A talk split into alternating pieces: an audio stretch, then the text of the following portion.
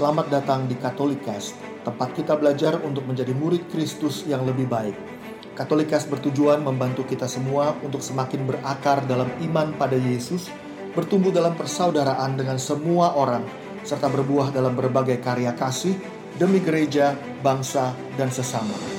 Katolikas berisi cerita kesaksian dan refleksi hidup sebagai pengikut Kristus, katekese iman yang relevan dan praktis untuk hidup sehari-hari, serta dialog topik-topik kekinian dengan berbagai narasumber untuk memperkaya hidup iman kita semuanya. Selamat mendengarkan, Tuhan memberkati.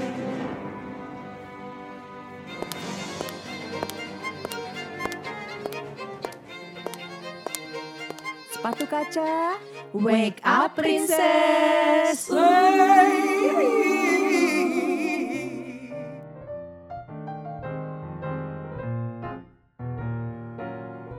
Halo Sekawati. Halo, Hai. kabar? Halo, hai hai. Nah, gimana? Semoga semuanya sehat ya, semuanya tetap semangat walaupun kita masih di masa pandemi ini. Kita ketemu lagi. Iya, kita ketemu lagi di talk kita kali ini. Nah, eh, beberapa hari yang lalu itu tanggal 1 November itu adalah hari raya semua orang kudus. Nah, kita juga mau membicarakan mengenai eh, kekudusan nih hari ini. Kita membicarakan satu orang yang hmm, kudus lah, seorang beato gitu. Kita akan bahas Beato Carlo Acutis. Nah, dia ini mendapatkan beatifikasi pada tanggal 10 Oktober kemarin nih, baru aja tahun 2020 ini di Assisi. Dia itu lahir di London tahun 91 dan Bukan di Kudus meninggalnya Bukan di Kudus ya berarti ya? belum belum. Kudus. Bukan orang oh, Kudus. belum. Oh, bukan orang Kudus, bukan bukan dia orang London. Baiklah. Orang London sama Itali nih kayaknya. orang-orang Kudus di pendengar sekawat dan sekawati siapa tahu udah bersorak-sorai. Oh, bukan di London. Baiklah jauh Iya. ternyata. Jauh-jauh. Kota Kudus itu. Nah, dia dia meninggal pada tahun 2006. Eh, girls, ada yang tahu nggak sih bedanya Santo sama Beato nih? Karena kan eh, Carlo ini baru Beato masuknya gitu. Bedanya apa ya? Itu kan sebenarnya gini, Santo Santa itu kan salah satu kekayaan gereja Katolik ya. Dan ada prosesnya sih, Chen yang gua tahu. Ntar teman-teman kalau ada yang mau nambahin silakan ya. Tapi yang gua tahu sih eh, proses eh, resmi untuk memaklumkan seseorang jadi santo atau santa tuh disebutnya prosesnya itu kanonisasi. Nah, eh, sekarang ini eh, prosedur yang berlangsung tuh jadi kalau ada satu orang nih kayak si Beato Carlo ini kan dianggap dianggap kudus ya atau dianggap martir lah ya, tergantung ya caranya dia meninggal dunia. Kan biasanya kemudian akan ada eh, pemer- pemrakarsa ya kalau promo atau suster biasanya yang akan ngasih kayak proposal gitu deh untuk diselidiki itu biasanya dari kongregasi tapi kalau ini awam setahu gue kayaknya keluarganya yang masukin ya si Beato Carlo ini gitu.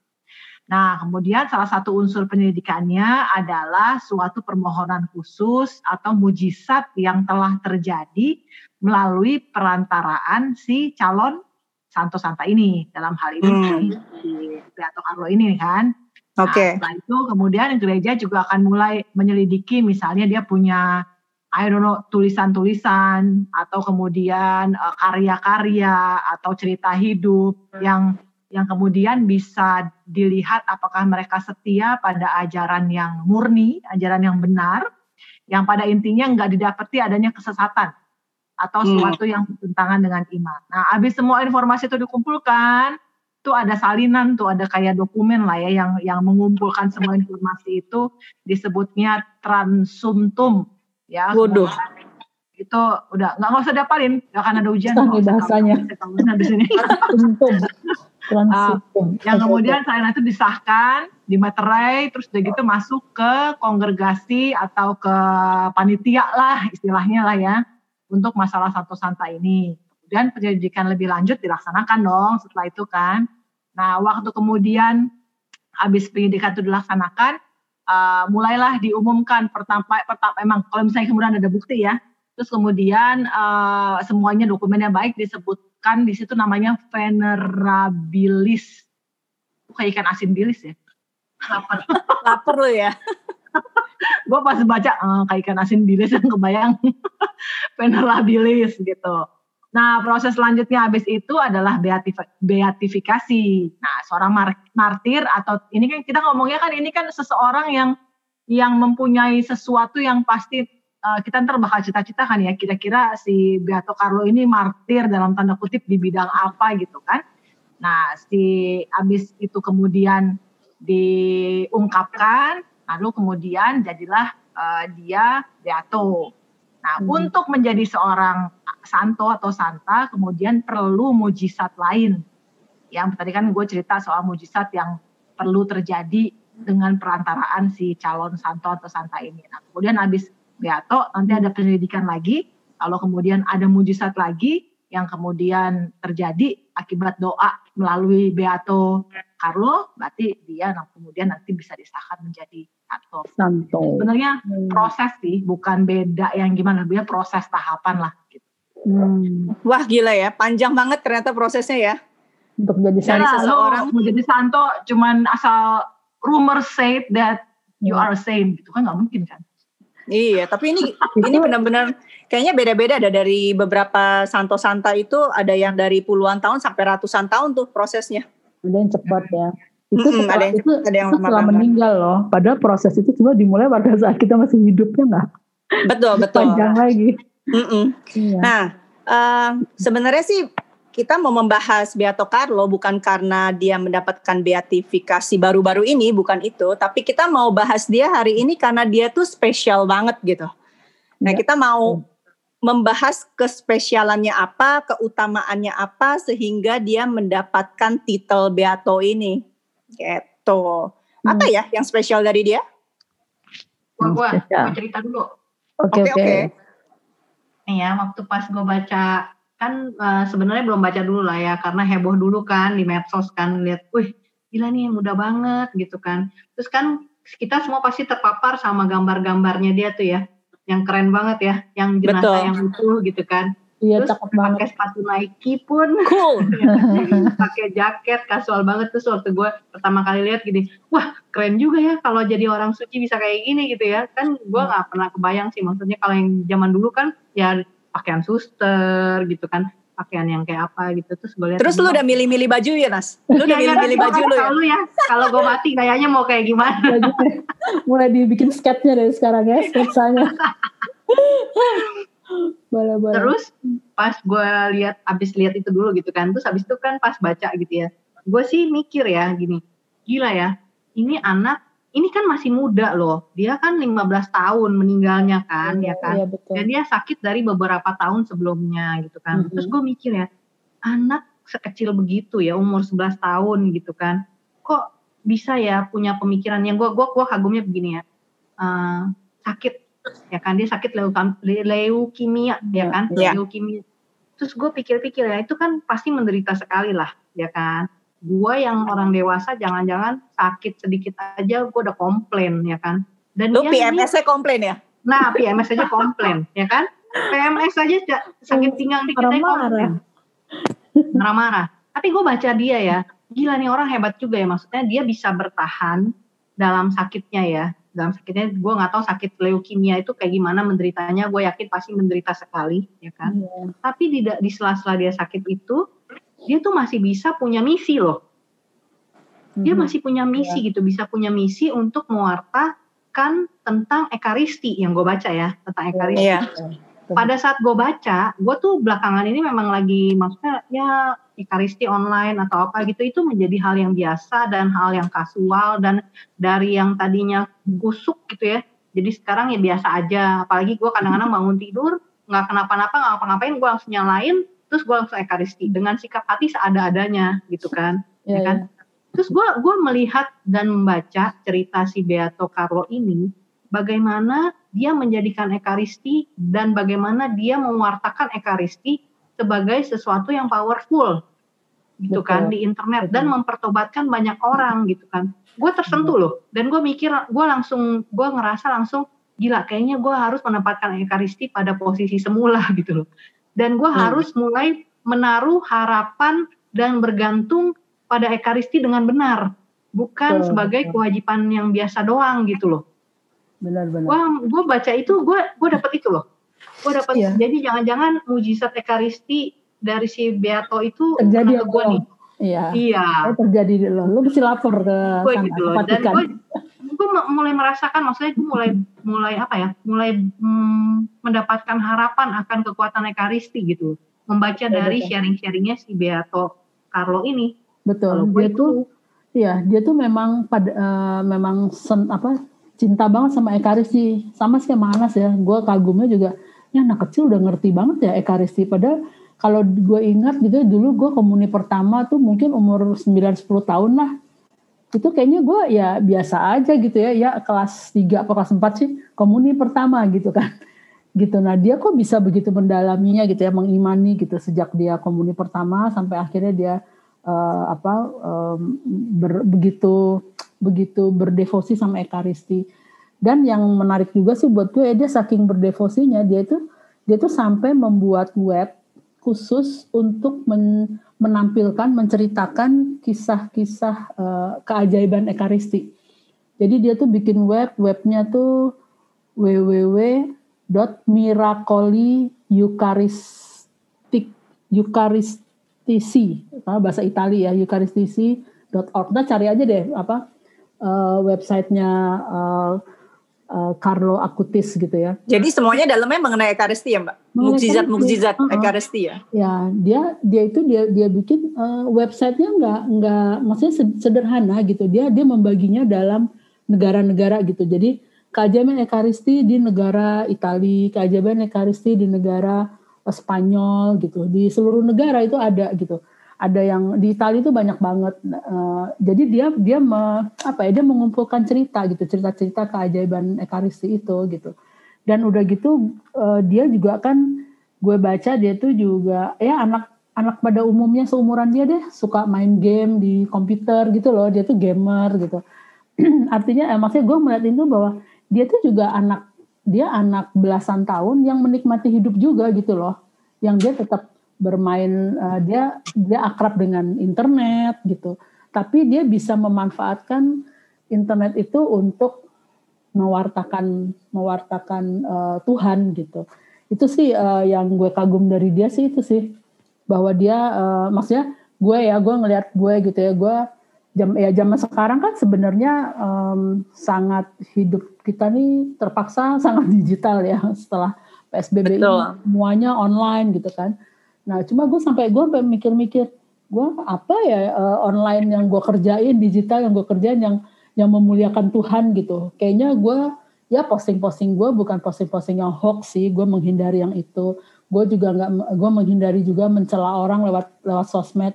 Tapi juga kayaknya nggak memuliakan Tuhan amat gitu ya. tapi ini anak anak kecil anak kecil ya. Gue ngomong ya anak muda ini ya belasan tahun dia udah punya pemikiran yang luar biasa gitu. Itu sih yang salah satu yang gue kagumin dari Beato Carlo ini gitu Nah, Iya sih. Kaca bisa tuh bikin satu sesi tuh ngomong soal gimana caranya kita bisa menggunakan internet untuk mewarta sih ya. kemuliaan Nanti ya, nanti ya. nextnya ya next kita bikin deh kita Kalau obrolin gue gue tadi Mbak Afi ngomong beberapa kali soal dia tuh masih muda, dia tuh masih quote unquote anak kecil lah ya Tahun, gitu ya. Hmm. Tapi gua pas baca ini, gua impress sih gimana sejak usia muda itu nggak tahu gimana. Gue rasa pasti gue percaya pasti rahmat Tuhan juga lah ya. Eh, nyokapnya si eh, Beato Carlo itu katanya bukan tipe yang dekat sama Tuhan gitu. Yang maksudnya mereka cuman ya mereka kalau karena otak orang Itali kan ya harusnya ya benar nggak sih orang Itali kan ya? ya ya Orang Itali. Ah, tapi KTP orang gitu tuanya ya. juga nggak nggak ini gitu nggak nggak nggak nggak practicing yang gimana lah gitu maksudnya. Ya. Nah tapi dari kecil itu si Beato Carlo ini tuh rajin banget rosario kayaknya nggak disuruh berarti ya rajin ikut misa terus udah gitu uh, juga ngaku dosa katanya setiap minggu terus dia juga minta orang tuanya bawa ziarah ke tempat-tempat para kudus gitu. Terus udah gitu ya makanya kemudian dia mungkin come up sama yang tadi Mbak Afid cerita soal website soal mujizat ekaristi gitu. Ya, ya. Sehingga akhirnya buah dari kesaksian hidupnya si Beato Carlo ini adalah adalah pertobatan dari orang tuanya sehingga akhirnya orang tuanya uh, lebih dekat sama Tuhan, akhirnya berhasil membawa kerabatnya, apa Ya, saudara-saudaranya gitu ke misa setiap hari gitu.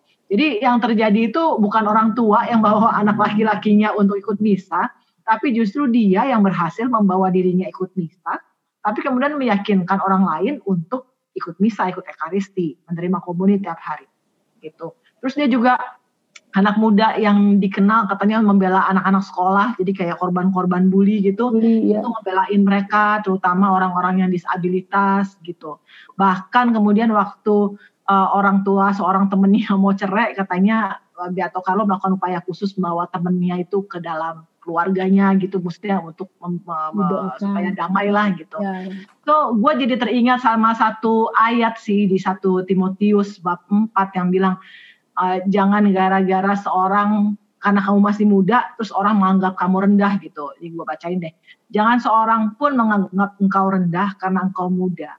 Jadilah teladan bagi orang-orang Hmm. percaya dalam perkataanmu, dalam tingkah lakumu dan dalam kasihmu dan kesetiaanmu dan dalam kesucian.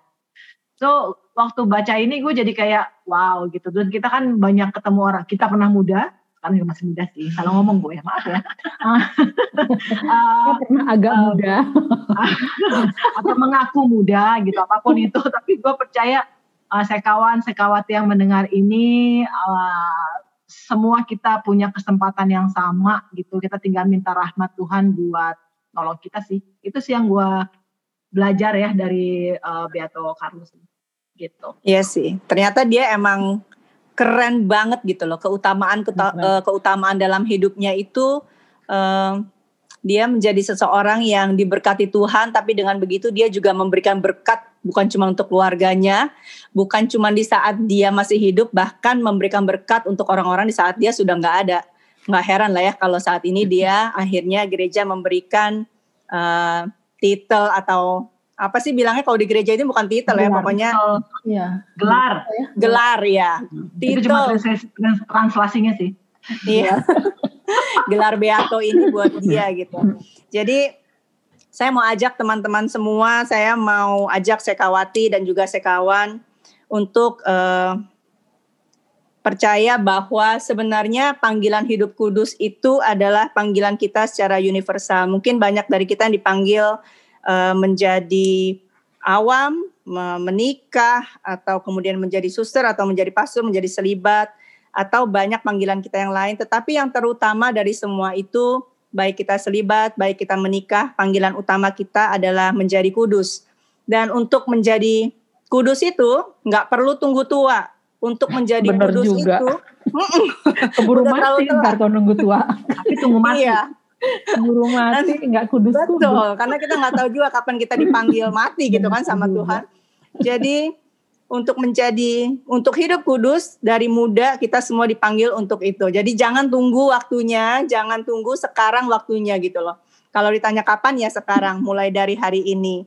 Kita mau percaya, kita semua putri-putri di sini, putrinya Tuhan mau percaya bahwa kita semua diberikan rahmat sama Tuhan yang sama untuk Amin. mampu hidup kudus bahkan di masa muda kita em, di masa muda kita atau dari kita muda. Makanya kita mau sama-sama bilang Wake up princess. wake up ya biar kita semua jadi kudus. Kudus. Amin. Amin, amin. Nah, nah, teman-teman Sekawati hari ini emang kita cuma berempat, cuma ada saya Lia, Ana sama Mbak Avi. Hari ini Yurika absen. Mana nih? Nakal memang dia ya, absen. Apa? Ada urusan kayaknya. Ya, banyak kegiatan. Banyak kegiatan, betul. Uh, teman-teman jangan lupa mampir ke IG kita sepatukaca.talk follow IG kita boleh DM boleh tulis mau topik apa Uh, bebas aja boleh kalau ada pertanyaan di situ. Nah kita akan ketemu lagi uh, minggu depan di talk yang berbeda di talk yang nggak kalah menariknya. Dan semua sekawati stay safe stay healthy Uh, Tuhan berkati kita semua. Amin. Amin. oke. Amin. bye bye Bye bye. Bye bye.